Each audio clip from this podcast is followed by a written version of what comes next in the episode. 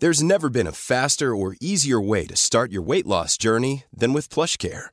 PlushCare accepts most insurance plans and gives you online access to board-certified physicians who can prescribe FDA-approved weight loss medications like Wigovi and Zepbound for those who qualify. Take charge of your health and speak with a board-certified physician about a weight loss plan that's right for you. Get started today at plushcare.com slash weight loss. That's plushcare.com slash weight loss. plushcare.com slash weight loss.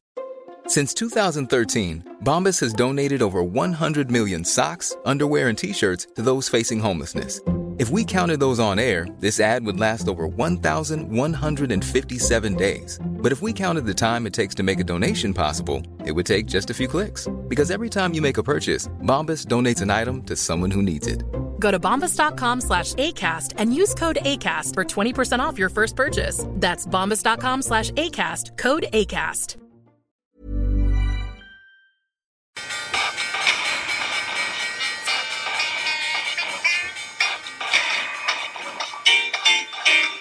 The governments don't rule the world. Goldman Sachs rules the world. Velkommen til den nyeste episoden av podkasten 'Tid er penger'. Jeg tror vi er nummer 26 i rekkefølgen nå. Uh, vi lager denne podkasten i samarbeid med vår partner som er IG Markets. IG er en nettmegler for private investorer og tradere som er aktiv i finansmarkedet, og som har høye krav til teknologi og plattform. Hos IG kan du handle et bredt spekter av markeder, alt fra norske til utenlandske aksjer, long og short. Du kan kjøpe internasjonale Nei, eksotiske råvarer. Appelsin, sukker. Du kan handle diverse kryptovaluta som bitcoin og Ethereum og andre ting. Og du kan også handle med belåning. Før vi starter samtalen, skal vi ta et lite utdrag av samtalen som vi har med Erik Hansen fra IG etter, rett etter podkasten er ferdig. Så her er det lille utdraget. Själva gränsen mellan professionella traders och uh, nybörjare eller amatörer den har ju blivit mindre och mindre med åren. Men uh, de, de flesta professionella som uh, använder sig av uh, systematiska system eh, med algoritmer de eh, kan till exempel via IG handla via Pro Realtime. Eh, man kan också göra det via MT4.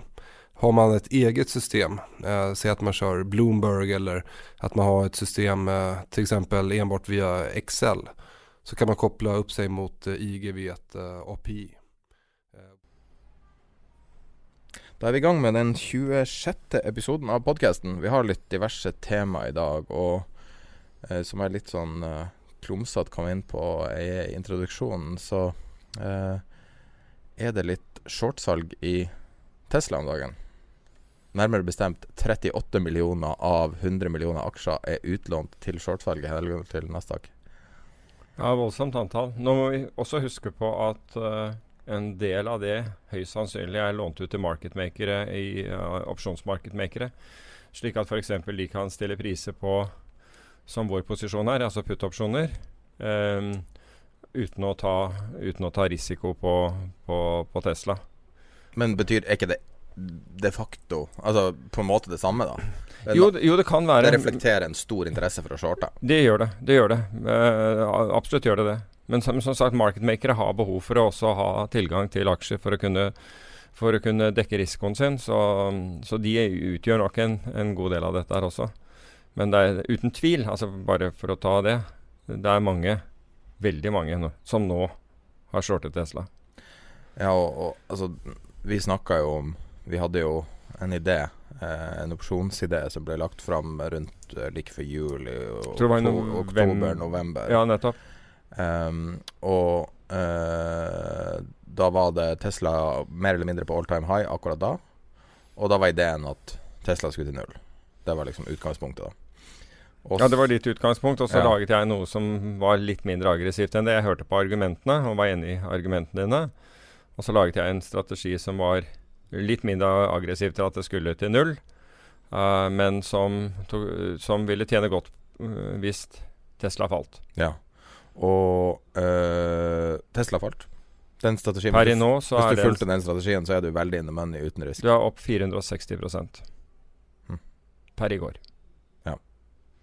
Og mange tror at Tesla skal videre ned. Jeg vet ikke om du fulgte du med Elon Musk? Hva, hørte du på den uh, kvartals... Nei, jeg gjorde ikke det. Jeg, det, jeg så det at uh, dette var noe som alle ville følge med på. Da, da mista han, han interesse for meg, for å si det på den måten. Men altså, jeg, jeg, jeg fikk jo raskt vite hva som skjedde, nemlig at han, han skrudde av den uh, spørsmål og svar-kanalen og gikk til YouTube. Nei, ikke helt det. Jeg satt og fulgte det Ok. live. Og det, det som skjedde, var at han fikk uh, Det var vel en fem, seks, syv analytikere med, eller noe sånt. Og han bare totalt avviste to, to spørsmål og bare sa 'boring next'. Og så er det midt i et spørsmål fra en annen som stiller et veldig legitimt spørsmål om bestillingen til den nye bilen. Og så sier han Treeren. ja. Mm. Og, så, og et typisk sånt spørsmål du ikke vil ha hvis det går dårlig. Og så sier han uh, Now, let's go to the YouTube guy. En kar med 1000 subscribere på YouTube som har ingen signifikans for noen annet enn for han skal massere egoet sitt. Og så får han 20 minutter 10 eller 20 minutter eller noe sånt. Og han sa så mye rart og gjorde så mye rart, og i etterkant har han jo sagt og gjort så mye rart at folk begynner å stille spørsmål med hans både lederevner, men også om han faktisk er full han holder på med det her. Det var flere som trodde han hadde drukket under presentasjonen. Det er veldig eh, sketchy for en sjef å ha det riktig. Men altså, jeg vil jo si til hva håper å si, Mus forsvar i forhold til mulige sentralstimulerende midler, så har han jo vært Så mener jeg at han har oppført seg rart tidligere. Altså ikke nødvendigvis uh, i uh, forbindelse med fremleggelse av tall, men det er klart at når, når man stiller han til veggs med, med, med tapene, altså nemlig at selskapet blør penger hver eneste dag, faktisk 480 000 dollar per time, taper dette selskapet, så uh, er, er det jo Altså, det er 247365. Så, så, så, så svarer han ikke. Altså han Nei, nå skal han ut med en eh, bil i en rakett. Og så neste gang han blir konfrontert med at Ja, men hvor blir det av denne Tesla 3? Hvor, hvorfor har du ikke levert? Nei, nå har jeg en flammekaster som jeg har laget. Og så av en eller annen grunn så biter pressen på det.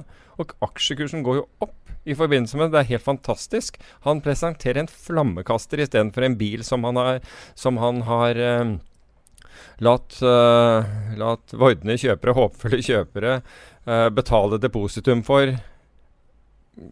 Har sagt den skal eh, Har på en måte garantert en levering, og de får ikke bilen. Og svaret hans på det, når, når, når det blir spurt når kommer denne her, er 'Jeg har laget en flammekaster, jeg. Se på den'. Nei, det, det, Altså det, det for meg er, er helt det er veldig absurd. useriøst. Det, Ja, men det er, det er helt absurd. ikke sant? Det, det er jo noe som du tenker at dette her går ikke. Og det og, altså da, da Det var jo du som begynte på dette, dette caset, og jeg først ville ikke være med på det, for jeg hadde ikke noen mening om det. Jeg, jeg er fortsatt for så vidt imponert over innovasjonsevnene til til uh, Musk. Jeg er mindre imponert over leveringsevnen hans, det er helt klart. Men, men poenget her er Men når jeg da begynte å se på det så altså, Du, du pirret eh, liksom, nysgjerrigheten min nok til at ok, før vi går helt berserk her og begynner å lage short-alternativer, så la meg nå se på dette caset. Og it made sense in every way på at man skulle være shorten. Det er kun muligheten for fremtidig innovasjon som, som ikke sant? Og, og, og, og, alt som, er, som på en måte styrket caset. Uh, og vel vitende også om, som vi også har snakket om i podkasten i hvert fall én gang, at de store bilfabrikkene var på vei inn. Altså Nå kommer konkurransen. De, han har vært først inn i dette her, men nå kommer de gutta som har ubegrensede midler på banen. Så, det, eh, så, så kunne jeg ikke si meg annet enn enig med deg. Hva du syns om kommentaren uh, The CEO of Daimler doesn't understand physics. Ja. Det kan hende at det CEO of, Daimler ikke trenger å, å, å forstå physics, men, uh, men han er likevel eh, Det er arrogant. De tjener i hvert fall penger. Ja. Han forsto penger, i hvert fall. The, Han, er jo en, han, er jo, day- han går jo etter en veldig spesiell kar. Han er jo ekstremt ja. respektert. Ja, ja. Og, og, ja, klart. Altså, the end of the day så handler jo dette her om næringsvirksomhet.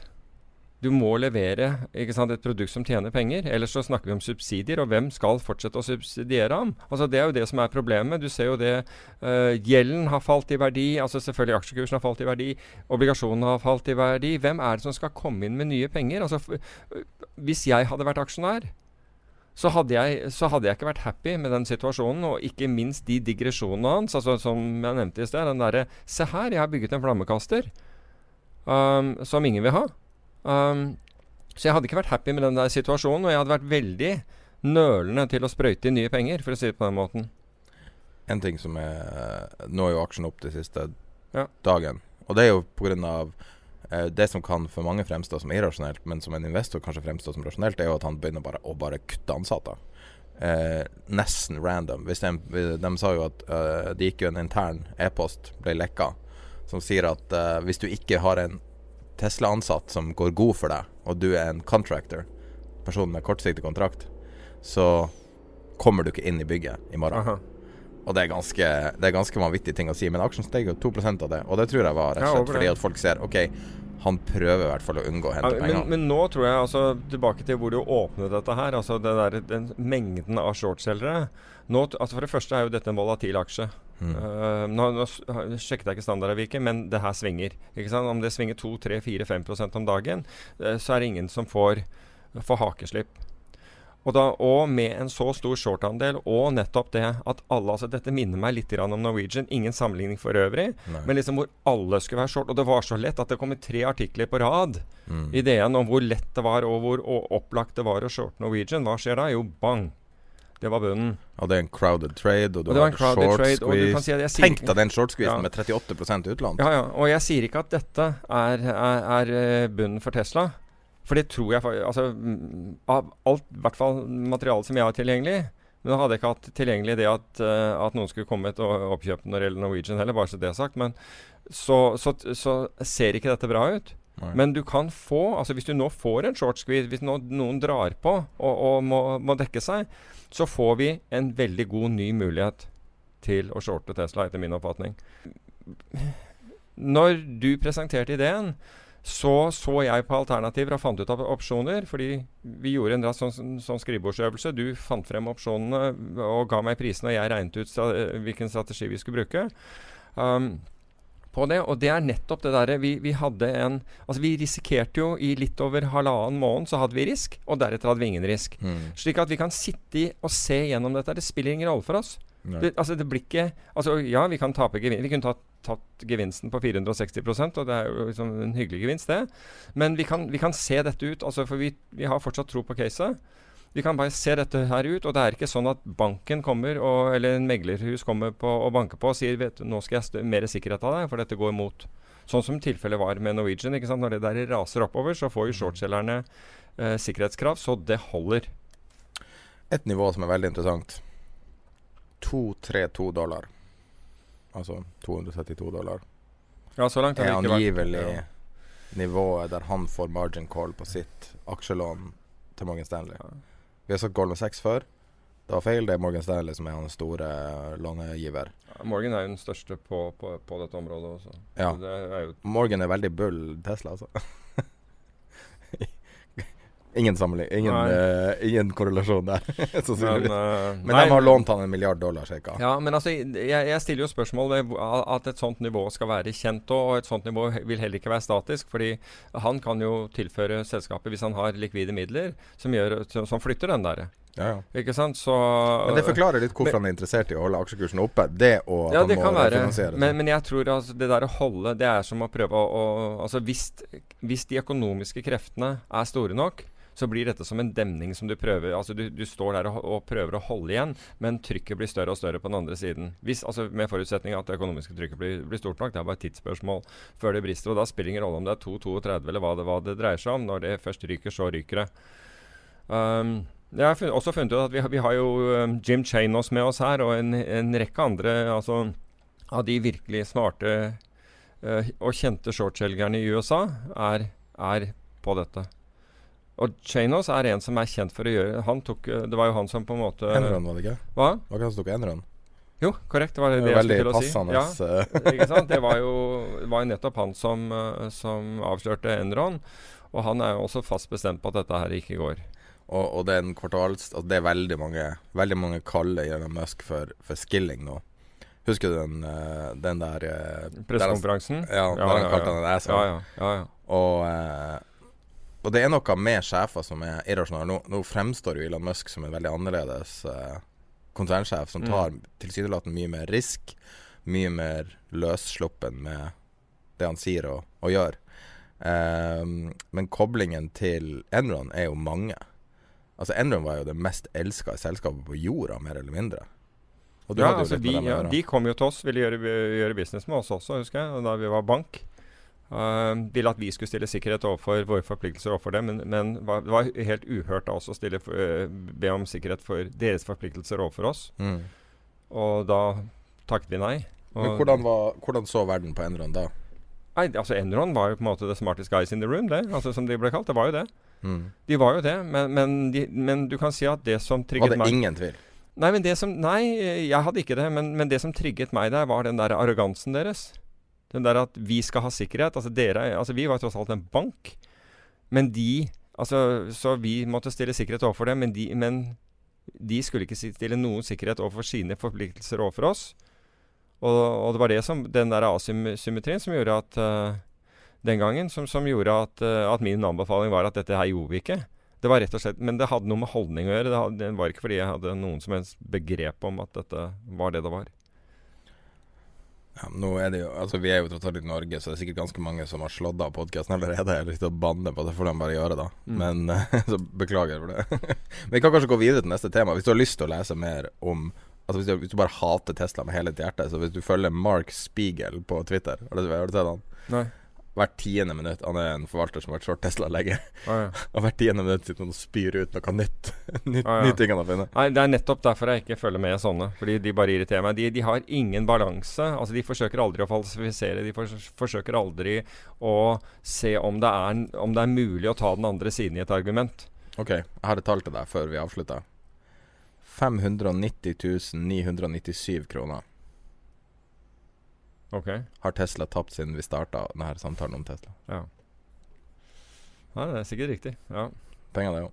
ja så vi bør, da bør vi slutte å snakke om det, mener du? For, da, for ellers, så går det, ellers er det vår skyld at det går gærent.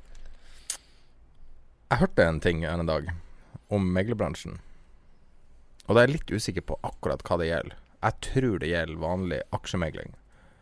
At Mifid 2, altså de nye reglene som kommer nyttår, eh, har virkelig påvirka inntjeningsevnen til meglerhusene i, i Oslo. Det kan godt være i hele Europa, for alt jeg vet, men i Oslo spesielt. Eh, kunder vil ikke betale for analyser, og det her har påvirka veldig inntjeningsevnen. Og jeg har sett at eh, at eh, inntjeningen til f.eks. med markeds virker å være ned.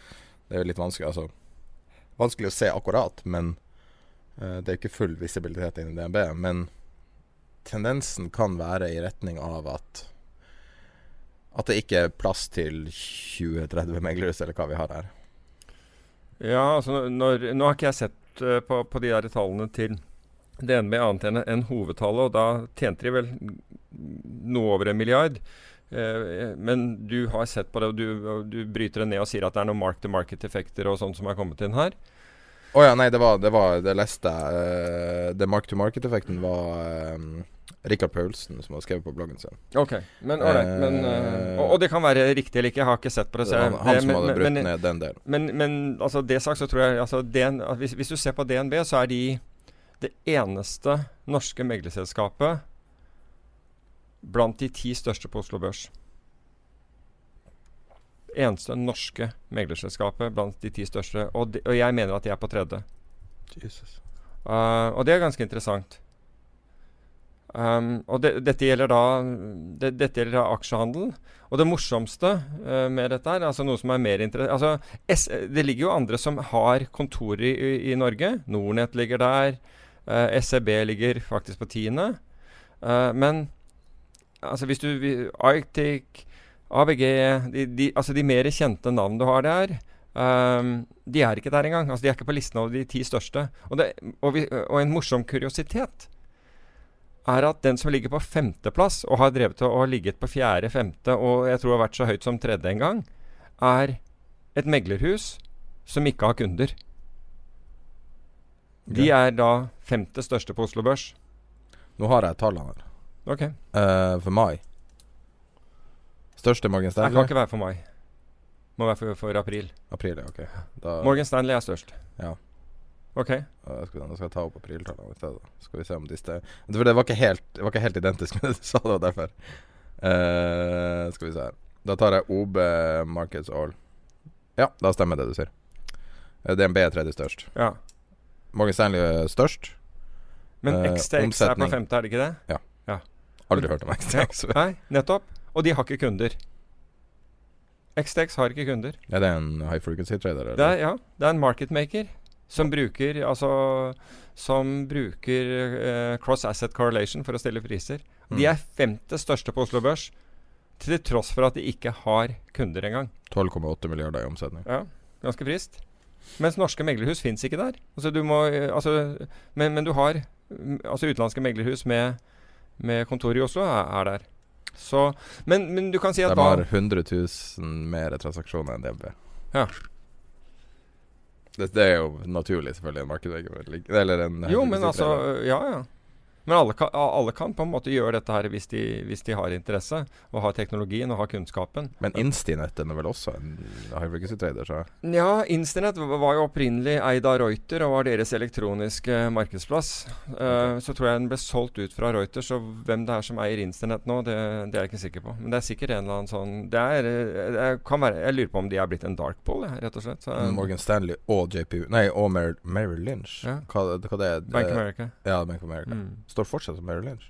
Mm. Uh, dem to er vel Altså, det må jo være Altså, det må jo være en eller annen Nei, men de, det store hard fond. Ja. Morgan Stanley har high frequency trading. De var jo de første, altså. husker du ikke, når ingen forsto hva som foregikk på Oslo Børs når de ble, ble handlet på med sånne småbeløp av Morgan Stanley og alt det der greiene? Hva tror du det var? Ka, kan du fortelle den historien? Hva da? Du har fortalt den flere ganger, så jeg har hørt. Hvilken, hvilken snakker vi om denne gang? Han som lager det her. Det som er oppi. Tar det ikke? Kaffelageren. Hva sier du? Han som lager kaffe. Jeg kan klippe det ut hvis du ikke vil ha det. Nei, jeg Han som tar drev og trada, og, og så, så var det på bakrommet og jobba. Kaffebaren. Å, den der! Og den der. Jeg Er det offentlig kjent, eller er det ikke? Jo, men den kan vi, den kan vi dra. Vi trenger ikke å si hvem, uh, hvem det er. Men det er ganske var, ikke det var en Ja, whatever. Men, men altså, han fortalte, eller, han fortalte jo denne historien selv. Okay. Uh, og han driver da en- Altså, det, det, dette er jo en daytrader som driver uh, en kaffebar Mm. i Oslo. Fortsatt. Har ikke peiling. Aner ikke. Men i hvert fall. Uh, aner ikke. Men uh, det som da skjer er, Altså, dette er jo den ele- elektron... Han spoofer markedet. Han liker å spoofe markedet. Spoofe markedet det er å legge inn en, en svær ordre i forsøk å drive markedet i en retning. Uh, og så uh, Husker ikke hvilket norsk aksje det var i, men, men han da gjør dette her med en aksje. Legger inn sånn der for at den skal flytte seg, for han har tatt en liten posisjon ikke sant, på, på, på et nærmere nivå. Så, altså, så han eier aksjen, men så går den ikke hans vei, så han legger inn en svær ordre på den der eh, aksjen. Svær ordre i, i, markedet, sånn at han skal skremme markedet i sin retning. Og så kommer det noen inn i kaffebaren, så han, må, som, han sitter med dette på bakrommet, så han må gå og betjene vedkommende. Og det han ikke er klar over, det er jo at, at en del av disse high frequency-traderne, de har også store ordre. De har, det hender at de har store ting de skal gjøre. Og da driver maskinen Men det har f.eks. Morgan Stanley og mange av de andre altså på meglerdeskene. De, la oss si at de har en ordre for La oss si at dette var 2 millioner aksjer eller 20 millioner aksjer. eller et eller annet sånt sløft. Dette var før liksom, meglerhusene begynte å bli nøye med altså Før så var det jo sånn Hva hadde du på slutten av dagen?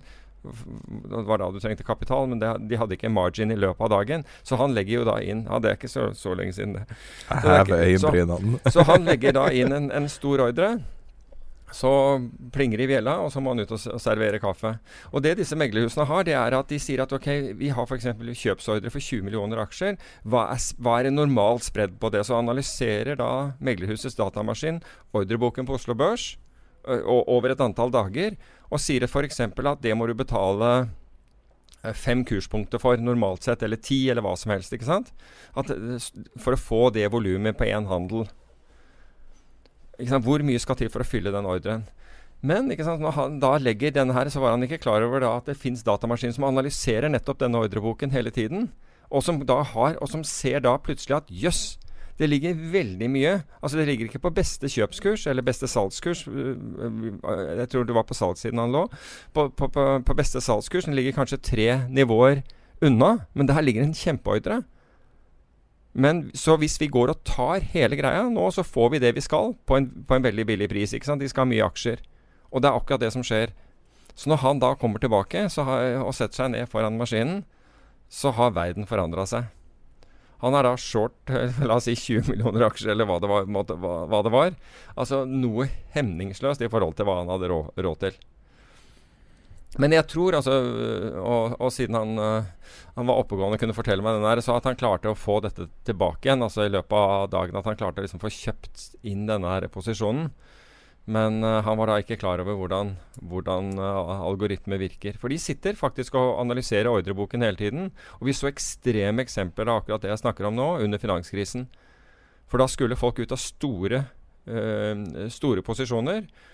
Og da ville da, eh, da analyse vise hvor mye vil det koste deg å komme ut av disse posisjonene. Og da programmerer du uh, rett og slett datamaskinen din til å si at ok, hvis det koster meg mindre enn en den spredden La oss si det er en ti punkter spredd eller noe sånt. La oss si at jeg, kan få, jeg prøver å se om jeg kan få den på 7-8. I det øyeblikket, altså seks-syv nivåer under beste kjøps- eller salgskurs, har nok aksjer, så smeller de til og tar alt. Mm.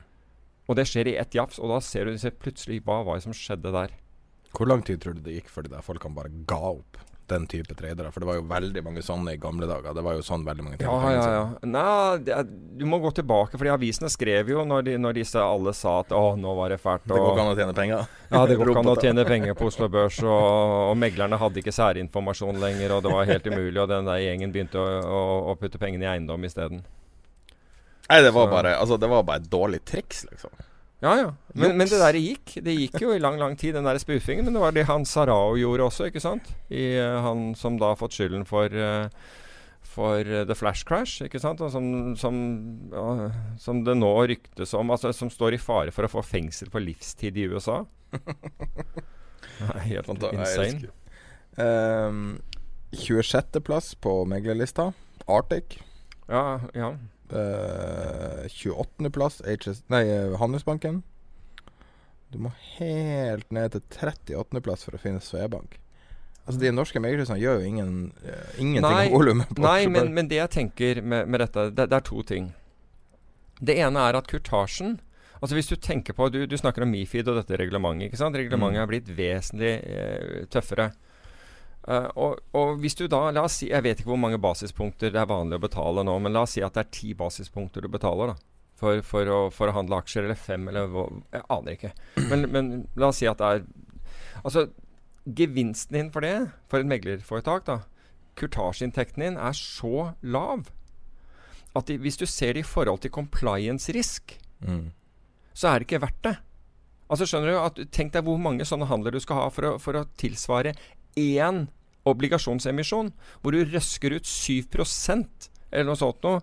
Du får liksom du, du, har sett Apropos Arctic, hadde ikke fått seg 150 millioner betalt eller noe sånt noe Da kan det være verdt å ta den risikoen. Men å ta den der risikoen for at du skal få noen få tusen kroner Det er altså It doesn't make business sense, rett og slett. Så når du, når du hører at folk sier ah, nå kommer uh nå kommer eh, folk til å trekke ut meglerbordene. Sånn. Så du kommer til å beholde det her som en cost item, sånn som analytikere alltid har vært. Bare for, å, for sin skyld. Ja, for å få, uh, ja altså hvis, du megler, meglerbordet uh, Hvis du tenker på meglerbordet, funksjonen med å kjøpe og selge aksjer, den, altså det er jo blitt en commodity nå som, som prises internasjonalt. Og det å ha algoritmer og et bra system er en commodity. Algoritmer tilgjengelig for kunder, altså sånn iceberg-ordre og den type ting. Det er eller, eller og kill eller hva som helst. Det, alt det der har folk. Slik at det har blitt en commodity. Og det ser du.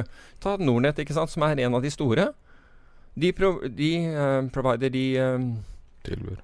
tilbyr. De tilbyr denne, denne commodityen til en, til, en, til en, lav pris, og folk er fornøyd med det. Så har du liksom dette med analyse, og det, det har vist seg å være vanskelig å ta seg betalt for. Så da har du enten uh, alternativet. Det, det har, analyser har stort sett vært markedsføring. Og folk gidder ikke å betale for markedsføring. Du betaler ikke for det der som dumper ned i kassa hjemme. Men du har antageligvis vært, vært å, å, betale for hvis noen er virkelig flinke. Men som vi snakket om her forut for introduksjonen av Mifid 2, nå vil det, det vil skille Clinton og Veten på hvilke som er de gode analytikerne, og hvilke som egentlig bare surrer rundt og driver markedsføring. Ikke sant? Føler at de må gjøre det. Man kan tenke på når man får en trade-ID fra, fra Dagens Næringsliv, da. Fra han kommentatoren. Hvis hans ideer var så bra Bare ta Altså, jeg, jeg liker han, ikke det. Hvis hans ideer var så bra når han sier går short Norwegian eller et eller annet sånt, ville ikke han ha levd av å komme med de tradene sjøl?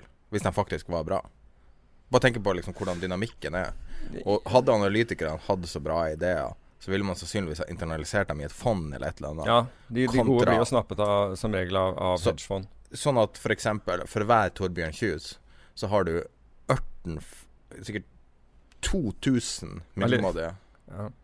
Jeg trodde du skulle begynne å nevne navn nå, så jeg, jeg begynte å bli litt engstelig. Hvor, hvor, langt, ja, hvor, hvor langt du skulle, du, du skulle trekke denne her. Men jo, jeg, jeg, tror, jeg tror det. ikke sant? Så, så, og det er bra for bransjen. ikke sant? At du blir kvitt på en måte det som ikke er altså at, Det er jo darwinisme. ikke sant? Altså Det som er bra, består. eh, og, og, og det som ikke er levedyktig, forsvinner. Det er jo greit. Men, men det betyr ikke at dette er lett. Nei. Warren Buffett har ikke slått SMP på ti år. Nei. Og Nasdaq enda verre. Men ikke sant? Altså Ja. Nei, det er jo ikke lett. Det er jo ingen som påstår at det er lett. Men nå, nå, skal, vi, nå skal vi i hvert fall si i eh, de ti siste årene så har markedene vært drevet av kvantitative lettelser. Så jeg tror at den perioden skal du bare rett og slett klippe ut. Og, og, og for de investorene som på en måte var med på det, skal bare si tusen takk til myndighetene for at de eh, gjorde dem rike. Eh, uten, å, uh, uten å få en dritt igjen, for de fikk jo ikke noe skatter eller noe uh, ut av dette her, annet enn vanlig altså Når du tenker på at det er mannen i gaten sine penger. Ikke i Norge, bare, bare så det er sagt. Eller under finanskrisen så brukte man vel norske skattebetaleres midler, men utover det så har ikke norske skattebetalere vært med på denne kvantitative lettelsene. Eller de kvantitative lettelsene. Så, så jeg tror man skal bare takke for det og bare klippe den der pe- perioden ut. Fordi nå ser du at markedene er mer volatile. Og når vi først er inne på markedene, så er det jo litt morsomt. Uh, hvis vi kan, eller hadde du noe mer på, på meglersiden? Nei, det er en grei overgang, altså. Viksen er på 14, og eh, folk begynner å calle nye topper. Ja, altså nå begynner jo det Ja, ja, altså hvis du ser Norge er på en måte en særstilling. Her er aksjemarkedet opp i underkant av 7 hvis jeg, hvis jeg ikke tar helt feil. Men hvis du da ser på USA, det er flatt. Ja, USA er flatt. Uh, Japan er ned. Hva, hva, Kina er ned. Så hva, hva er felles for Kina og USA? Jo, det er de landene med ordentlig vekst Mm. hvor det virkelig drar. Så der faller aksjemarkedene. Ikke sant? Um, så det er, eh, men, mens i regioner som, som har svak vekst, så er, så er markedet opp. Men Norge er på en måte i en særstilling her, og det skal man bare være glad for. Men verdensindeksen for aksjer er, er omtrent null. Og vi skriver nå Vi er nå den femte måneden uh, for året. Så etter at, de, etter at man Altså USA riktignok allerede i 2014, men, men siden så har I år har volatiliteten økt, så risken er større, og ingen får noe særlig igjen for det, utenom nordmenn hittil. Så Altså ja. den 7% oppsida, eller 6,9% oppsida, har jo kommet siden rundt 9. april. Sånn at hadde vi spilt den 9. april, så er jo vi flate også. Så mm. det, er det beta? Er det det? Er det Norge bare mer Ja, altså, høy Nor beta, Norge har jo, vært, uh, har jo tradisjonelt vært høyere volatilt enn de andre, men jeg tror Norge har blitt drevet av um, mye av, uh, av oljeprisen. Ja, ny rekord på lang tid. Ja, men, men du kan si at så hvis du var smart, altså eh, smart og mente at oljeprisen skulle opp, så kunne du heller kjøpt olje. Det ville du tjent 13% på. Og så giret, da. Ja, ja, du trengte ikke å være på Oslo Børs for det. Apropos det, så Jeg sendte deg en greie om tømmer. Kan man trade tømmer? Ja, Men det er ikke, det er ikke kjempelikvid. Future-markedet for tømmer. Ja, men Er det nok likvid til å gjøre en trade? Eller Ja, ja, men du kan si at uh, At, eh, Altså, jeg syns Altså, på vår fondsstørrelse så syns vi at markedet var, var illikvid. Uh, og da kan du tenke deg, hvis du er virkelig stor, altså hvis du da er et fond på 20 milliarder dollar eller 200 milliarder dollar, så er ikke tømmer et, eh, et veldig bra sted å være. Da må du i tilfelle kjøpe fysisk tømmer. Men jeg skrev om dette i januar i forbindelse med at tømmerprisene gikk til, st stadig gikk opp, uh, og Norske Skog uh, og, og, og, gikk konkurs. Eh, men da kom det jo plutselig en del på, på, på banen også, og som begynte å interessere seg for, uh, for Norske Skog. Så men, men, det er akkurat det jeg sier, altså, og dette har jeg sagt før, at, at hvis du At aksjer er på en måte en omvei å gå hvis du tror på en rå, råvare. For det er, det er, så mange andre risikofaktorer du påtar deg med, med en aksje. Altså management, balansen, leveranser En hel haug av andre faktorer enn den råvarefaktoren. Hvis det er olje du mener, så det er klart du kan kjøpe oljeserviceselskaper, og du kan kjøpe folk som skal bore, og kan? Og det kan være at det er riktig, at de er billige, men du kjøper deg helt andre risikofaktorer enn om du bare går inn og kjøper oljen. Og i dag kan hvem som helst kjøpe olje, for i dag finnes det produkter som folk kan Hvem som helst kan gjøre. Men f.eks. IG, de har jo, det er jo en av grunnene. De har jo Lumber en Jeg måtte bare se dobbeltsjekke at de hadde det. Okay. Og, og, altså, det reflekterer jo oppsida. Jeg ser jo at den er jo veldig fragmentert. Det er jo lite omsetning, men det er jo nok ja. omsetning til Altså, du har en V-spread og alt det der. Ja. Uh, altså, jeg likte ikke å trade lumber. Altså, jeg har gjort det, men var ikke noe glad i den nettopp pga. likviditeten. Det kostet å, å, komme inn. Altså, det flyttet markedet. Altså, i hvert fall Altså, du fikk slippage, som det heter. Uh, jeg oversatte det for øvrig for Billions til kursavvik. Det var det beste jeg kom på. For jeg ja, ja, kursavvik. Det er jo det avvik i forhold til Glidning. ja, det er ja, kursavvik for, ja, for, for, å finne et norsk uttrykk. Jeg skjønner. Det. Men, men uh, Hvordan vil, hva, hva, vil du kalle Ok, jeg har et par ennå. Hva vil du kalle uh, uh, marketmaker? Aldri kalt det annet enn marketmaker, tror jeg. Hva med trader? Mar ja, de, de, snakker om Norge har vel brukt uttrykket markedspleie. Driver Oi, markedspleie. Hva med um, trader? Ja, da har de vel brukt uh, spekulant eller et eller annet sånt, tror jeg. Jo, men det er jo et negativt lag. Ja, ja, ja, ja. Det hva du ville kalt det? I, du som aldri, er profesjonell oversetter. Han er uh, Nei, jeg har aldri brukt uh, jeg, jeg, ville kalle trader en trader. Hva med sånn som handelsmann eller noe? Nei takk. Helst ikke. Shortsalg. Det har et norsk ord, vet du hva det er? Nei Blankosalg. Ah, ja. Blanking. Det, nei, det kom fra Sverige, fordi de, de, bruker uttrykket blanking. Men det heter blank, blanking. Altså, jeg tror det står i ordboka eller noe sånt. Blankosalg. Ja, men jeg tror de har tatt det fra Men jeg husker det fra langt, langt tilbake. Altså fra den tiden hvor det, det der var sterkt forbudt i Norge. Hva med specialist? Jeg vet ikke helt hva en specialist gjør. Hva en specialist? Jo, specialist, han, eh, Det var jo en som hadde ansvaret for ordreboken i en spesiell aksje. Så en, en slags markedmaker, da? Ja. ja, altså Men det som var med spesialisten du hadde jo ikke det i Norge. Uh, New York Stock Exchange har jo det. Hva sier du? New York Stock Exchange har jo ja, det. Nettopp, ja, det er, ja, riktig. Og, og, og spesialisten, han f.eks. hadde ansvaret for å Så han så ordreboken. Han var marketmaker og kunne se ordreboken. Og så var de andre rundt, de var rene marketmakere. Så spesialisten, han, han, så, altså, han så kundeordrene, så han visste på alle nivåene dette var hvor dette her var. Og så ville stille et marked ut ifra det. Og så ville da marketmakerne rundt, som da ikke så ordreboken Så, så spesialisten hadde en klar informasjonsfordel. Men var han, hvem var han en uh, independent contractor? Ja. Men ble betalt. Altså de fikk for å, for å gjøre det. I Norge Men du har jo, jo, du har jo det i Norge også, at du har sånne marketmaking-avtaler. Ja, små drittaksjer. Det er bare tull. Ja, men Det er jo for å få noe. Altså, ja, men det er, altså, det er ingen av disse her som Altså Det der er bortkasta penger, for det er ingen av disse her som driver ordentlig marketmaking. Det koster jo en million kroner i året. Ja, altså. men det er bare tull. Men det er jo altså, hvis, det er, hvis det er ingen tull. som handler en aksje, ja, ja, men, Jo, men det er jo greit nok hvis du da sørger for at den har en tight spread med, med et volum. Men du kan si at når, når, vi, når, jeg stilte opp første gang med å være marketmaker i opsjoner, var ingen som betalte meg for det. Jeg måtte, jeg måtte finne ut hvor markedet var selv finne ut hva, hvor balansen på dette var selv, og flytte prisene i forhold til det. Men i Norge så er det jo det med en gang en kurs nærmer seg, så stikker de av.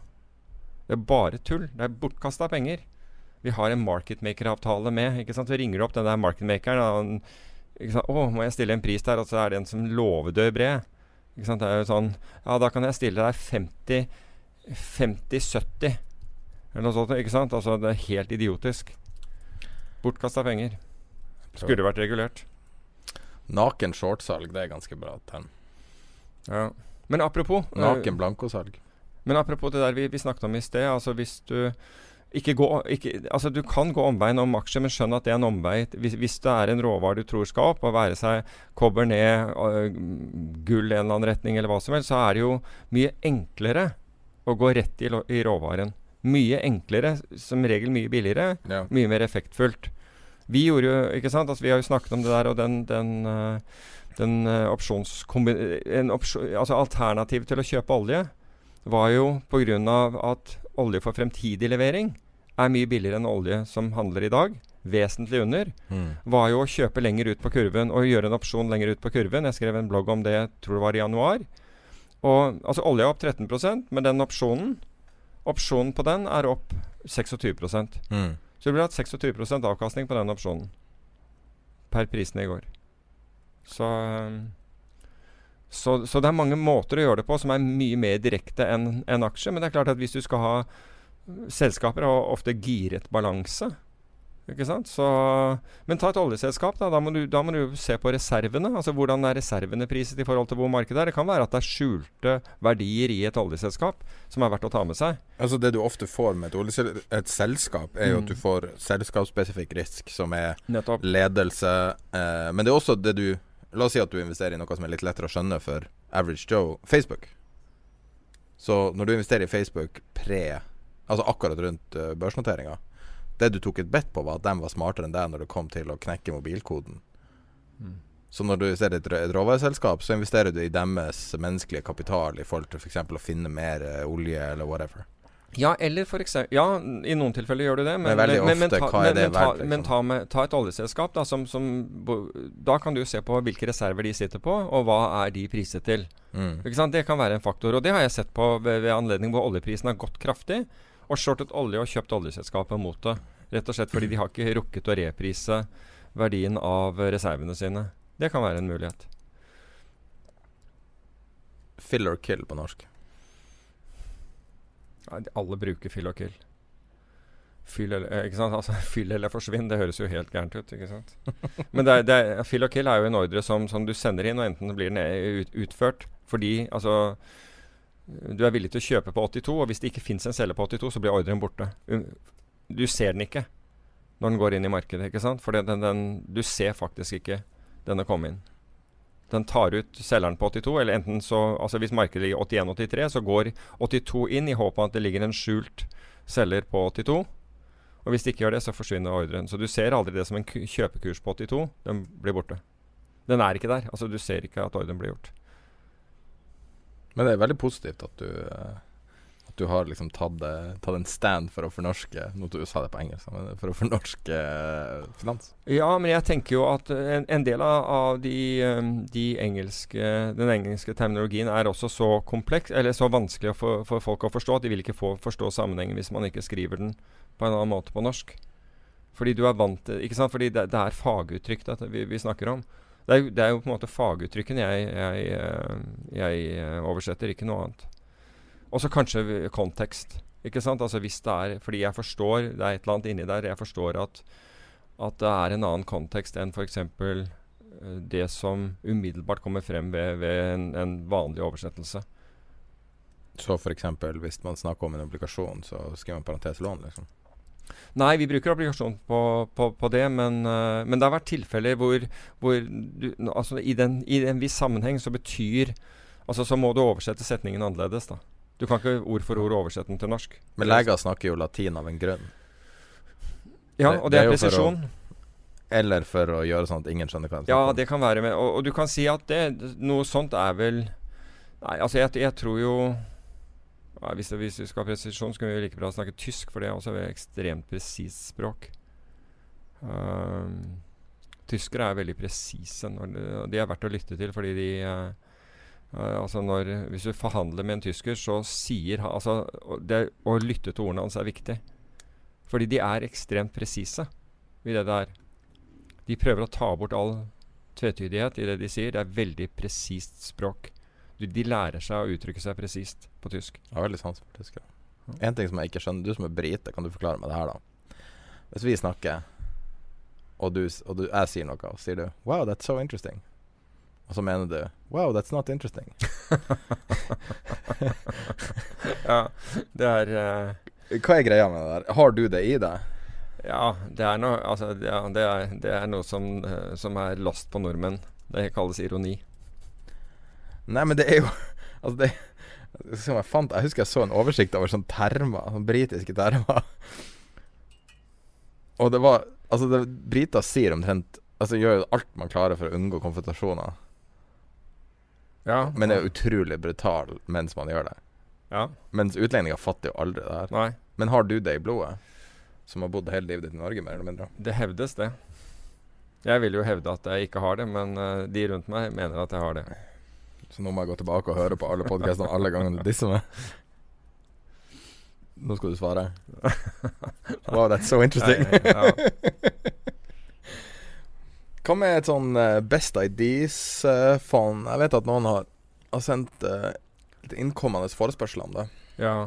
Hva, hva, er det for noe? Det Ja, altså Første gang jeg var borti det, det var, eh, det var når jeg forvaltet eh, selv. Og, det, eh, og, og første gang noen presenterte det, det for meg, må jo være nær, nær 15 år siden. eller noe sånt. Og, og det var rett og slett fordi når jeg gikk Når jeg snakket om fondet Altså når, når, når jeg var med å ha presentasjoner av, av fondet, så ville jeg typisk ta noen av de, de, de ideene som vi satt på. Og helt menneskelig ville være, det ville være noen av de mest interessante posisjonene jeg følte vi satt på. Ikke sant? Altså, det ville være det jeg pre presenterte. Og ut fra det så, så, ville, så ville de som var kundeansvarlig si hva med et Best Ideas-fond? Hvorfor lager vi ikke et fond hvor du tar dine beste ideer og putter inn? Og Forskjellen mellom et slikt fond, bare for å ta det, og et vanlig fond, er at et vanlig fond, selv om det er et hedgefond, har krav på seg til å diversifisere. Um, og én posisjon kan ikke bli større enn osv. Så, videre, så du har mange regler rundt det.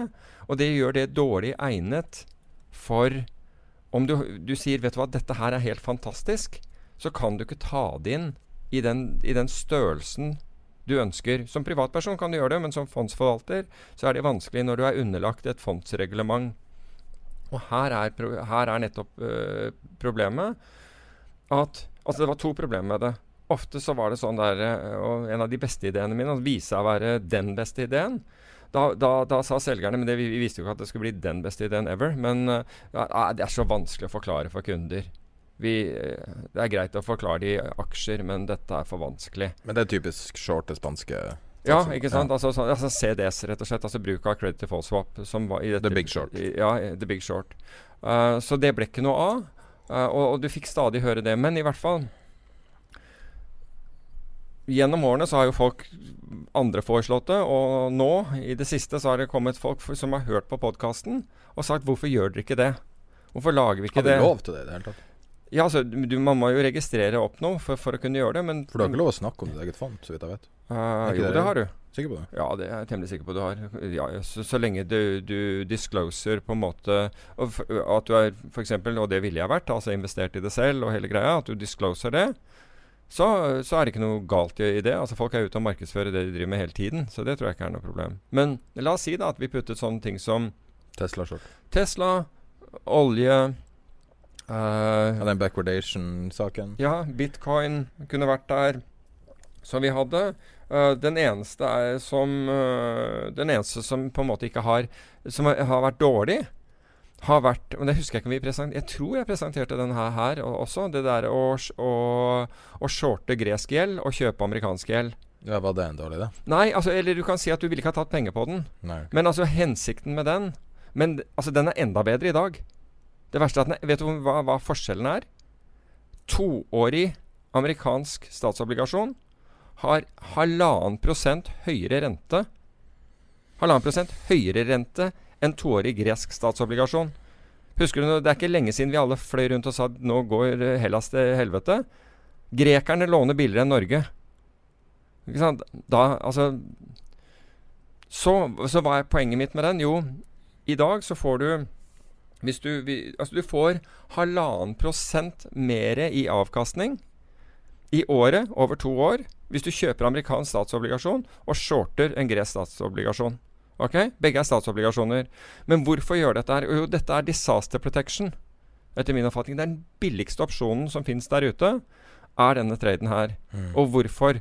Jo, for hvis ting går Altså, skulle noe gå gærent i verden, så er jeg helt sikker på at greske spredder ut. Med andre ord at, at renten på den stiger. Og, og, når du er shorten, så tjener du penger på det, for da, da faller obligasjonen i verdi. Og amerikanerne vil raskt stoppe renteoppgangene sine og bidra med f.eks. kvantitative lettelser eller tilføre der, så renten på den faller. Med andre ord, den stiger i verdi. I teorien. I teorien. Men greia er, hvis du gjør det nå du får, Vanligvis så betaler du for en opsjon. For å eie en opsjon. Dette er en put-opsjon på liksom det som skjer der ute. At hvis noe skulle gå gærent Vanligvis betaler du en opsjonspremie, og det er nordmenn er, er på en måte allergiske mot å betale for det. Men i dette tilfellet får du betalt halvannen prosent i året for å sitte på denne her risken. I, utrolig attraktiv trade, da. Ja, jeg syns det er utrolig attraktiv trade. Det er en av de få gangene du får betalt for å gjøre så, det. Så du kan si at fordi ting har fortsatt å gå ålreit, USA har fortsatt å gå og, og bra, og liksom renten har, har, gått opp der, så, har, så, er dette bedre enn da jeg foreslo det. Altså da foreslo jeg det med 0,7% vil du tjene i året. Nå kan du tjene halvannen prosent i året på det. Så du, har, du, vil ikke tape på det uh, og sitte på den for jeg har gjort den tidlig. Du, du bare vil tjene mindre. En annen ting vi har snakka masse om som hadde passa i et sånt fond, er jo Vixen. Ja. Ja, ja, ja, riktig. Der er det jo masse Absolutt. Men, men, men, greiene er at du Så hvordan skulle et sånt fond være? Jo, du må ha et sånt fond enten som en AIF eller som et, øh, et form for selskap. Men min erfaring, i hvert fall med norske investorer, er at de vil gjerne ha pengene Altså, de maser på deg for at du skal investere. Gode ideer kommer ikke hver dag. Så du må på en måte kunne sitte tilbake med kapitalen der. Og så får heller den være i en eller annen form for, for obligasjon som gir noe avkastning. Og så anvender du den når du ser de virkelig gode ideene, men ikke føler, føler deg presset. Men jeg vet hvordan det der er. Plutselig Ja, men børsen har gått 7 og, ikke sant, og folk har ikke tålmodighet. Og så eh, trekker du ut penger, og så skjer det. Ikke sant? Og da får du liksom 400% på Tesla. Ja, ikke sant. Da får du ja, ikke sant? 460 på, på, på Tesla. Da får du liksom betalt for det. Men, men det er poenget med, Det interessante med en sånn uh, sånn uh, Best Ideas-fond. Uh, det kan være gjort, men det er, det er, en jobb med det. ikke sant, selvfølgelig. Ja, det, det, her er sånn som høres utrolig attraktivt ut helt til du ser på alt papirarbeidet. Så ah, det er ikke verdt det. ja, altså, ikke sant? Du skal, ha, du skal ha compliance og, og, alle disse tingene på plass for å kunne gjøre det. ikke sant? Og det koster fryktelig mye å sette opp sånne ting ja, i dag. Man må gjøre det med en forvalter hvis du skal gjøre det, så kan gjøre alt drittarbeidet. Så det der går ikke an å gjøre sjøl. Nei, du har nei, vært sjøl, du vet jo hvor jævlig det er. Ja, ja, ja. Altså det er Ikke sant. Ja, du må finne en eller annen Det fins sånne folk som hoster hoster sånn uh, her. Det fins en bank som gjør det, og litt sånn forskjellig. Så det hadde, nok vært mulig å gjøre.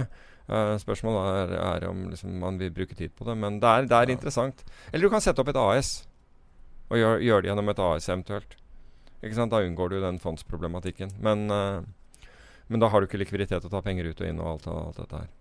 Men, den er. Men altså, der kunne du f.eks. ha sånne ting som, som en liten andel i f.eks. krypto. Mm. Kryptovaluta, hvis du ønsket det. Eller, eller, en eller annen form for trade på det. Og det er volatilt, det beveger seg, det. Og det er, eh, det er muligheter der. Altså, det handler jo tross alt Hva er det, hva er det han omsetter nå? Bitcoin for 5 milliarder dollar om dagen, eller et eller annet sånt?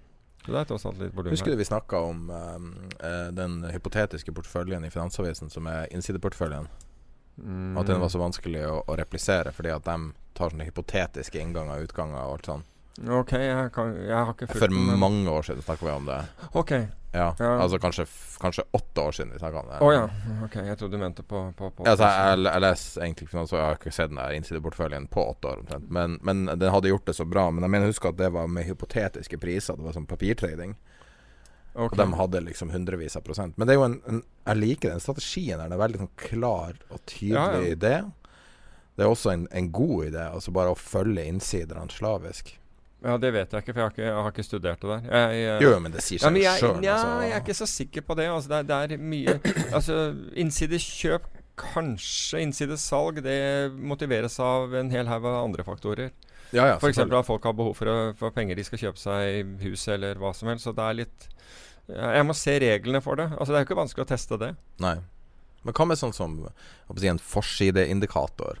For det, det man ofte ser, er jo at når ting står på forsida, lang eller short, så er det ofte, altså det er ofte en veldig fin kontrær indikator. Har du noen gang sett på Nei, vi, vi, hadde da jeg jobbet i London, så hadde vi noe som heter Daily Mail eh, liksom, eh, indeks. Og det var, det var, altså nådde Daily Mail, så, så var det over. Altså hvis noe hadde, hadde, beveget seg så lenge at Daily Mail skrev om det. Uh, men, men, det er jo litt grann som så en av de tradene som apropos eh, Som jeg snakket med ham før, men som vi aldri kom fikk presentert på podkasten, det var jo det faktumet at du nevnte kakao, ikke sant, som at kakao hadde gått kraftig. Så jeg så umiddelbart på, på kakao. Og, og av en eller annen grunn så, så trigget det meg til å se på kaffe. Og det har gått klin motsatt vei. Og når jeg så beveggrunnene for, for uh, kakaoprisingen Altså, den var gått Det er spekulanter som har dratt dette her veldig kraftig opp i det siste. Vi snakker ikke om uh, snakker ikke om flom i Ghana eller et eller annet sånt som har, uh, som har tatt ut produksjonen. Og så så jeg på hva som skjedde innenfor, innenfor kaffe, altså arabica, hvor det skulle veldig lite til for, for, for, for, at du får en For at, skal, at tilbudssiden faller, altså, blir forrykket, så var det Altså jeg, jeg, holdt på å skrive en, eh, en, blogg om det, men jeg har liksom ikke kommet langt, så jeg tenkte å kalle den Kaffe Mokka. Fordi den der virkelig altså Det der gå long kaffe, short, uh, short uh, kakao uh, ser veldig interessant ut. Er ikke det stor, er ikke det stor sånn gløtt av produksjon av kakao? Så er det ikke et jo, problem i det? Jo, men, men, men, du kan si på disse nivåene her så er, altså Hvis du ser på COTS-dataene, så er den spekulative interesse helt rekordstor i den. Og den, det har drevet dette her til et nivå nå som jeg mener ikke forsvarer det vi ser. Så, så sånn sett så, så, kan den traden være interessant. Men greia er jo du skal gå fra en tradingidé og til en, hypote altså en til en idé, til å formulere den. Altså Du kan shorte uh, kakao futures og gå long Kaffe Futures. Du får ikke noe offset i margin uh, på de to. Det er det ene, så du får margin på begge sider. Og det andre er om det er den mest effektive måten å, å risk, altså minst risikable måten å, å, gjøre det på. Og det må jeg tenke litt på før jeg liksom og, og, så langt er jeg ikke kommet. Men det var, det var en trade som, som tickled meg nå. Dessverre, etter alt det her Best Ideas-snakket, så har eh, Hva de heter S SCM Private har gått gjennom tallene til alle Best Ideas-fondene for noen år siden. Da. Og det performer like bra som aksjefond. Eller okay. som okay. vanlige fond. Aha. Men det er jo selvfølgelig avhengig av personen. Men, men jeg tror altså Best Ideas Fond Problemet med å gjøre det i fond er, er, som sagt at diversifiseringsregler og den type ting som normalt sett er veldig bra for fond, men som ikke funker så godt for dette, kan være at det tar det vekk. Altså, altså nesten ikke muliggjør at du får ordentlig uttrykt uttrykk for det. Så Bra. Ble kasta ut av Nordea fordi de frykter at bitcoin kan brukes til hvitvasking og terror. Ja. Den minst uh, terrorutseende personen jeg har sett i mitt liv. så, så Nordea har uh, gått etter. Ja, det er de du skal frykte. Han Stule Sunde fra Florø. Ja. Det her var da overskrifta til NRK jeg leste. Jeg prøver ikke å gjøre narr av folk. Fra sånne Nei, jeg, jeg, jeg Beklager til svogeren min. Yes, ja. Hvis han hører på. Og til min familie på mors side som, uh, som er i Volda. Uh, men uh, Ja, jeg la merke til den der artikkelen. Og, og, dette var jo Nordea. Mm. Så, jeg, så var det Nordea som hadde kastet ut han derre Men Nordea har jo kryptofobi. Det vet vi jo. De har jo nektet alle ansatte i Nordea å kjøpe kryptovaluta. Det er ganske interessant. Så de, altså for, men tilbake til denne saken.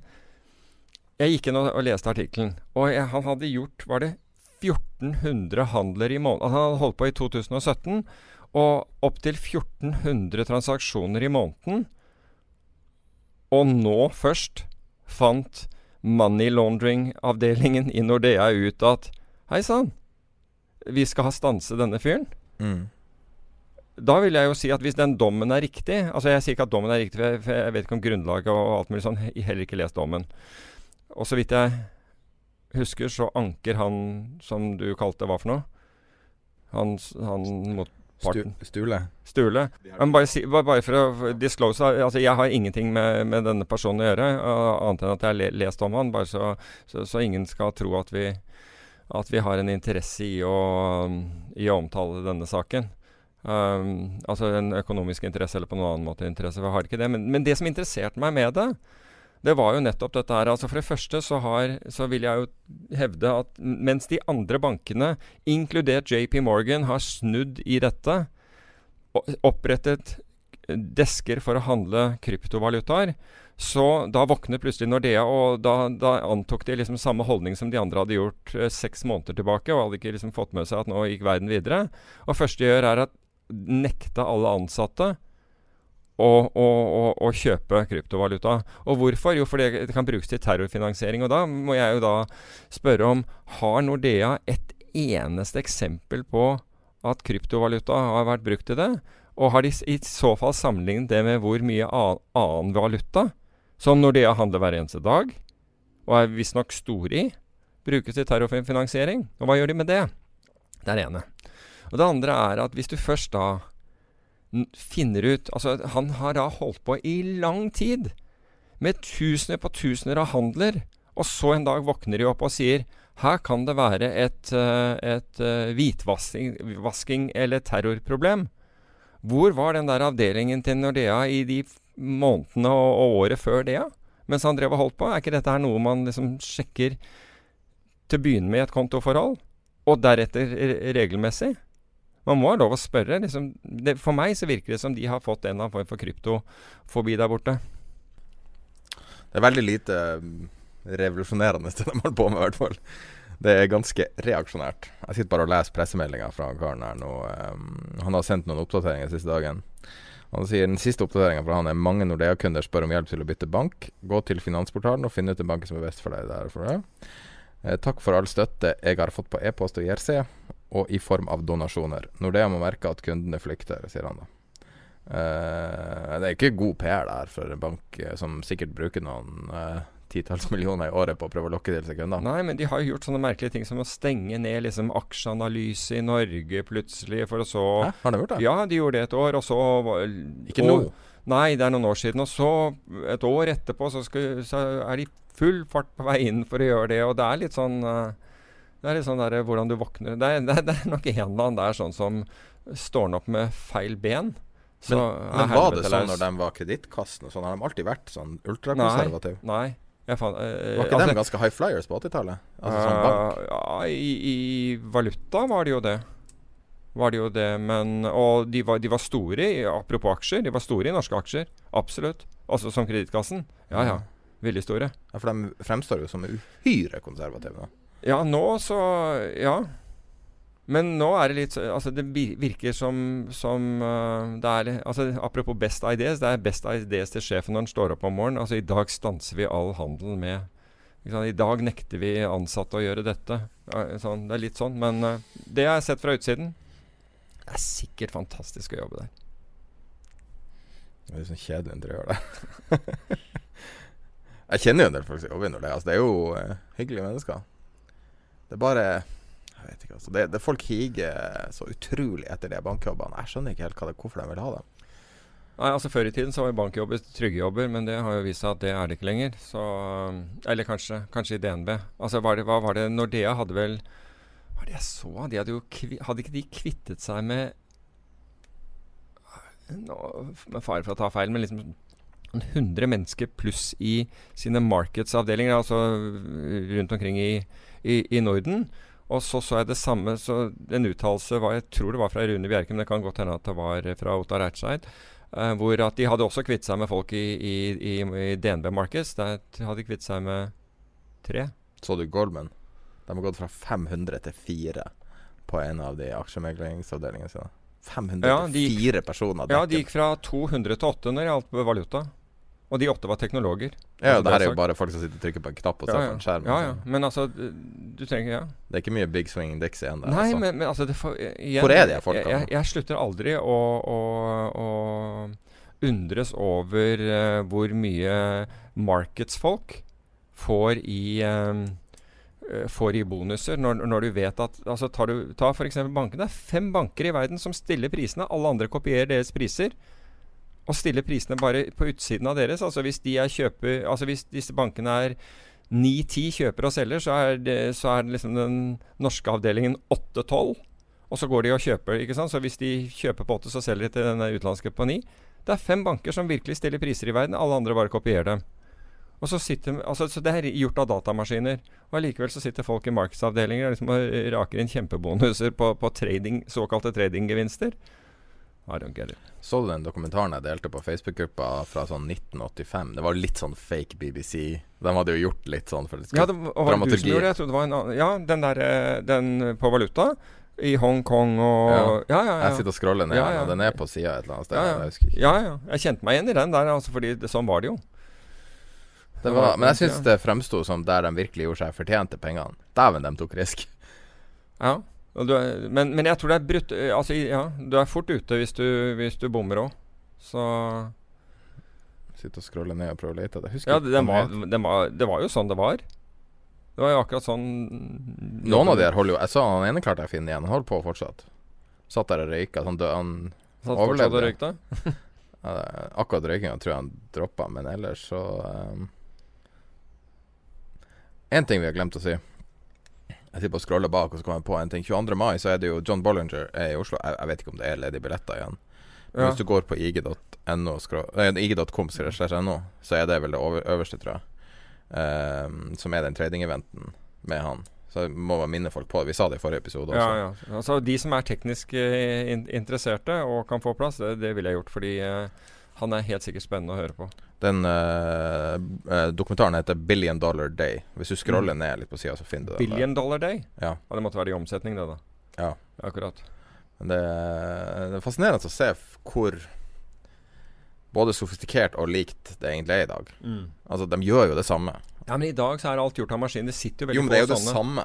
Det bare gjøres kjappere på en annen måte, men det er jo det samme. Ja, men det sitter ikke folk og liksom på, på akkurat samme. Det der er jo Altså alt er mer eller mindre maskinstyrt. Du har ikke brokere som på en måte har noe color, ikke sant, som du hadde før. Uh, Men det er jo det samme. ja, det er valutahandel. Hvis det er det du mener. Det ja, men det. altså sånn som at han, han kjøper Jeg tror han kjøper Hva faen, det var dollar Dollar pund, tror jeg. ja. Og så skal han, eh, han i Hongkong Og skal han selge, og så, og så er han redd for å påvirke prisen, så han selger i alle andre valuta. ja, så du- Samtidig. ja, Så prøver- sitter han og ja, peker du- du- til andre brokerne som ja, skal selge. Men sånn var det. Sånn var det. Uh, absolutt. ikke sant? Eh, Alt gikk på håndsignaler til de forskjellige, for de ga deg bare. Ja, ja. ikke sant? Du, du, du ropte ut priser, f.eks. Priser i dollar igjen uh, i la oss si 10 eller 20, eller hva, hvor mange millioner dollar det skulle være. Og så tok alle ringelisten sin, altså dette andre banker de, de kalte opp, og begynte å, å, å, å ringe, og slo det inn på Reuter eh, Dealing også, altså på Reuter Conversation, til andre banker. Og da, altså hvis det var dollar igjen, så sto det, og det var for 20, så sto det JPY Mm. 20 bak. Og det sendte du, og da fikk du da liksom prisen tilbake 45,50 f.eks. Ja, den chatten, ja. Ja. Så hvis det liksom 45,50, og de visste ikke sant, pris i dollar igjen, vi, vi er selgere, så ville han skrike 45 til meg, og jeg ville altså, da si hit it, ikke sant, altså bare slå hånda ned, altså mot han, så du får det. Så ville han bare skrive 45, og da er dealen gjort. ja. Og så- Brukte du den der, eh, den der beeperen de hadde, den der Reuters-personsaken, Ja, ja, ja. der du ikke hadde pris? Er Ah. det ekte produkt? Ja, ja. Ja, ja. Og ja, vi aldri, altså Før det, så måtte vi jo Altså når vi gikk ut og spiste om kvelden, så måtte vi jo si fra til restauranten at du var der, og nummeret til restauranten. Og da var det jo alltid sånn at, at eh, hovmester eller kom bort og sa du, nå har jeg telefon til deg. Og gikk ikke en kveld uten det. For i den, eh, i den eh, Den heter et eller annet, den der Det ser ut som en personsøker som bare quoter deg prisen. Ja, ja. Det var det. Det, det, det Ganske imponert over teknologien. Ja, det var Reuter som hadde den. Utrolig verdifull. Jeg husker ikke Men var det, det her var den tida de hadde sånn telefoner med sånne lange ledninger som når du er på restaurant, og så kommer de bærende Nei, vi hadde jo vi hadde veldig lange ledninger på desken, ikke sant? slik at du kunne bevege deg et stykke. Men i Salmon Brothers så hadde de ekstra lange, for der brukte, brukte han Luranier i den le ledningen, så han kunne treffe folk når han heiv telefonen etter dem. Det ble sagt han kunne, han kunne At kunne se At Lou kunne treffe Kunne, kunne, tre, kunne, kunne treffe en novice på, på, på, på tre, på, tre deskraders avstand. Med stor nøyaktighet. Og det var jo gamle dager der det var sånne telefoner du leide fra AT&T som veide et halvt kilo, de her ørene. Så det er ganske Ja. gode Jeg husker min kollega Henning. Han, eh, han, jeg, altså han, han knuste flest. Helt klart han knuste flest. Men jeg, jeg husker vi sendte, vi sendte hun som var på oppgjøret. Det var en travel dag, og da, altså, da gikk det så mye rør at hun kjøpte, hun kjøpte sixpacks med rør til oss hver. Oppe på Telenor. Da var hun oppe på i, eh, Jeg husker ikke hva den der uh, ga ned. Det spiller ingen rolle. Men da kom hun tilbake med sånne sixpacks. Men så fikk vi et nytt telefonsystem, og de rørene kostet så svinemye. At, uh, at etter at Henning sendte bakelittbiter i alle retninger fra det der og IC-kretser, så sa jeg vet du hva, tar du en sånn til, så trekker jeg av lønnen din. Nei, jeg, jeg, jeg klarte også å slå hånda gjennom veggen bak meg, husker jeg. I frustrasjon.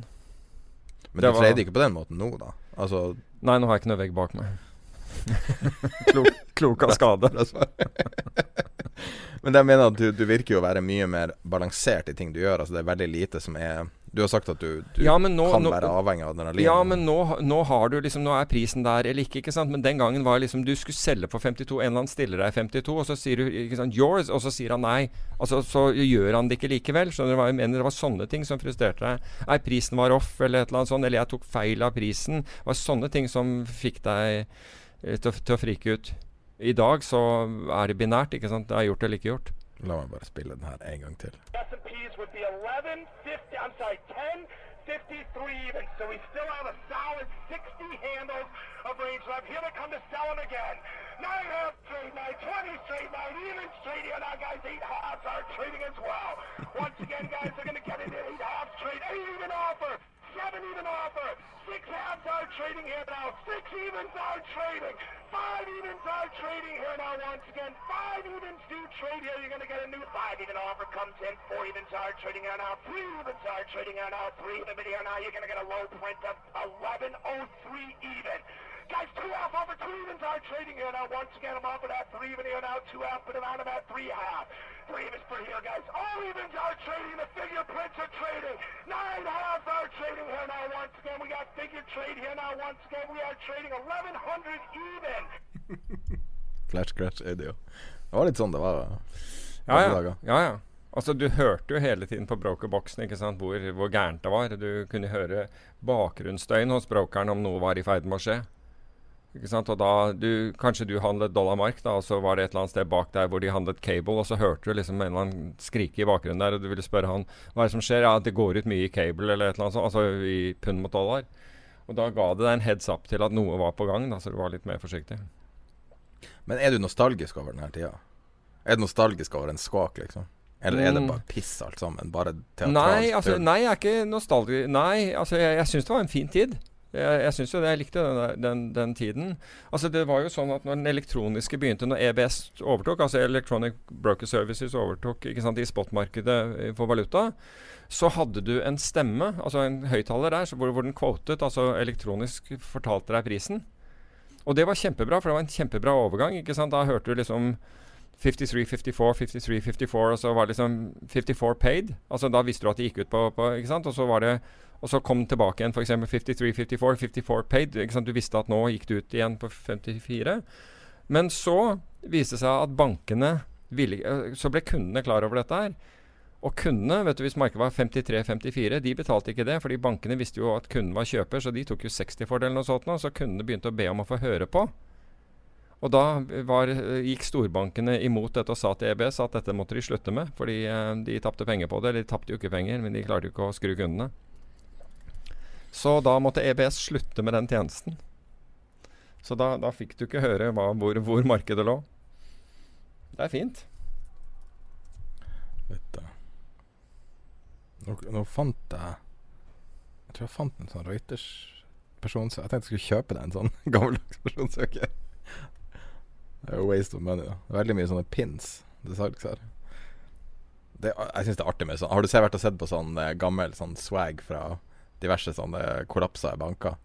Nei. Du kan kjøpe det på eBay. Sånn um, uh, Lehman Brothers, for eksempel. Du kunne det før. Eh, For det er jo så utrolig mye sånne ting de har gitt ut til kundene opp gjennom årene. Jeg kjøpte en gang eh, Jeg har én sånn ting. Jeg vet ikke om det er dårlig karma å beholde det. Jeg har det liggende sånn Enron eh, Ethics Guide Oi. fra 2000. Høres ut som en selvmotsigelse, men uh, greit. ja, det er vel det som er hele poenget, da. Ja. så det var fra noen måneder før det smalt, så var det den etikkguiden. Den, den har jeg kjøpt. jeg husker Limen. Kom for å besøke oss, og da, og da, da kom de med privatfly Å, Jesus. fra City til der. Og så, uh, og så spurte jeg jøss liksom, om de kunne ta liksom, vi, vi følte Var vi viktige nok til at liksom, de kunne bruke privatflyet? Nei, de hadde, de hadde nesten en, en egen airline. De, de hadde bl.a. en Boeing 757 som privatfly. Så Lehman var ikke low profile. Hva tror du han Tull gjør nå? Eller hva heter? Dick Fold? Fold, ja. Ah, deg blander jeg med den fiktive versjonen. Aner ikke. Aner ikke. Jeg husker jeg så han et eller annet. Uh, han er jo 72, så det er vel ikke så mye Han gjør vel kanskje ikke så mye nå lenger. Men jeg tror han har pengene sine, han. Ja, det tror jeg. Altså, han, det er klart, han, han tapte jo uh, mye på, på, på Lehman-konkursen, men, uh, men han har nok penger. Men det ser ut som at han beskytta seg. Han overførte huset sitt til kona for 100 dollar, det de kjøpte for 13,75 millioner. Ja. ja, falt litt i verdi, da. eh, nå driver han og skal selge en ranch, eller dreiv, for 50 millioner. Og han solgte for 20, så han har jo litt penger fortsatt. Mm. Men det er vel ikke det han hadde før, skal jeg tro. Det meste var vel i aksjer i, i Lehman. Nei, hva, er det, hva er det Nasim Taleb snakker om i, i Skin in the Game? Uh, the, the, Bob Rubin trade, ikke sant? Altså, Robert Rubin var finansminister under Clinton. Ja, tidlig Clinton, ja. Ja, ikke sant? Første og, ja, ikke første Clinton, men Clinton. Clinton, ja. men, men, og han gikk jo, ikke sant? Han gikk jo til Fikk ikke han Han var jo en av de som designet forskjellige sånne relief-programmer for bankene, og ikke, ikke minst det derre altså de, Det var jo Clinton som opphevet The Glass-Steagall Act, ikke sant? Hvor, ikke, eh, hvor banker eh, ikke hadde anledning til å spekulere på den måten, som de da fikk lov å gjøre. Så de hevet det der, og eh, finanskrisen ble jo konsekvensen av det. Det er ett møte de hadde før Clinton ble president, der Rubin og han, han Fed-sjefen mm. kom og sa hvis du, hvis du ikke gjør det her, så er USA konkurs. Så du må, du må bare gjøre det. Altså, Men Bob Rubin, Bob Rubin fikk 120 millioner dollar i fees av Citycorp i årene som kom, som fulgte. Så det er ganske Det er friske greier. Tim Geithner, ikke sant, som, som lot da som da lot uh, TARP-pengene, altså de, de uh, pengene som man samlet inn fra skattebetalerne holdt jeg på å si, og ga til de amerikanske bankene for at de skulle overleve, han tillot da at de pengene ble brukt videre til å betale bonuser til toppsjefen i bankene. Og hvor er han nå? Jo, han sitter i en av en sånn der advisory committee og Private equity. Ja. Så uh, det er ganske interessant. JP Morgan som uh, mm. backhand. det er bra. Selvfølgelig. Nei, det er så skitten, USA er så skittent at det er faen ikke world. sant, altså. Nei, det er masse Lehman Brothers-stæsj du kan kjøpe her, altså. Så hvis du har lyst på dårlig karma, så kan du kjøpe sånn flisegensere. Ja, jeg er mest interessert i den der Boeing 757. Jeg hørte noen som kjøpte en Boeing 7 Det var faktisk noen, noen uh, militære folk. De kjøpte en Boeing 727 for 100 000 dollar. Ja, ja, men altså, du kan sette på bakken, ja. Men altså, du skal fly Den fløy. Ja, men har de, fløy, de fløy den fra USA til uh, Til uh, Freetown, Sierra Leone, tror jeg. Jeg vet hvis du kjøper helikopter, så er det, det, det er ikke dyrt å kjøpe helikopter, men du skal kjøpe helikopter som har så og så mange timer fra, mm. altså til neste service. Ja, ja. Men det er jo altså Det, det, går nesten til null før en service. Ja, altså, okay. Fordi at servicen er basically en ny motor og en ny blad og alt. Jeg tror det er sånn på Her har du en Lehman Brothers giftbag på ti euro. Koster den. Nå føler jeg at vi går litt på, ut på vidda her. ja, men syns du ikke sånne her ting er artig? Det er jo bare helt surrealistisk at det ligger 100 forskjellige Lehman Brothers-ting på eBay som du kan by på. Og det koster liksom Altså det koster en betydelig sum. Mm. Og det er jo selvfølgelig folk som sitter og kjeder seg, meglere, eller, eller folk som har podcaster som har foregått i 1 time og 18 minutter. så, så, ja. Nettopp. Nettopp. Nei, men da, da, tror jeg vi avslutter nå. Det, vi brukte opp alle temaene våre her. Uh, uh, jeg tror vi skal uh, bare ta den samtalen med Erik Hansen fra Eige Markets, og så er vi tilbake om to uker med en ny episode. Og så kanskje et fond. Et Best Ideas-fond også når vi er i gang. En del av deres kunder er jo det man kaller proff. Altså at de lever av å handle. Eh, hvordan produkter tilbyr dere eh, sånne type proffer? Er det f.eks. mulig å, å, å, bruke og utvikle algoritmer og altså type systematisk trading via IG? Mm. Jo da. Eh, för det första så, själva gränsen mellan professionella traders och uh, nybörjare eller amatörer, den har ju blivit mindre och mindre med åren. Men uh, de, de, flesta professionella som uh, använder sig av uh, systematiska system med algoritmer, de kan till exempel då via IG handla via Pro Real Time.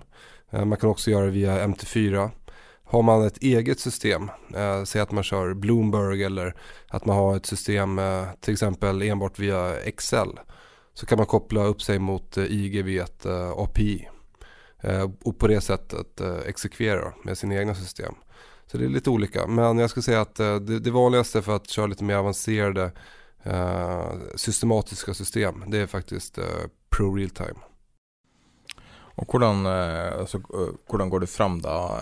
Jeg tenker på hvor stor størrelse er det på en det man kan kalle en proff? Altså en, en typisk stor kunde hos, hos deg. Hvor, hvor stor er de? Ja, det, jag kan tyvärr inte svara på det. Uh, Men är det, i, alltså jag tänker på uh, kontostörrelse, mm. eller kan du säga något om? Mm. Det, det, jag kan säga är att uh, eh, IG har ju så mycket likviditet i tyska DAX-kontrakten så att det finns då banker och institutioner i Storbritannien som handlar via IG.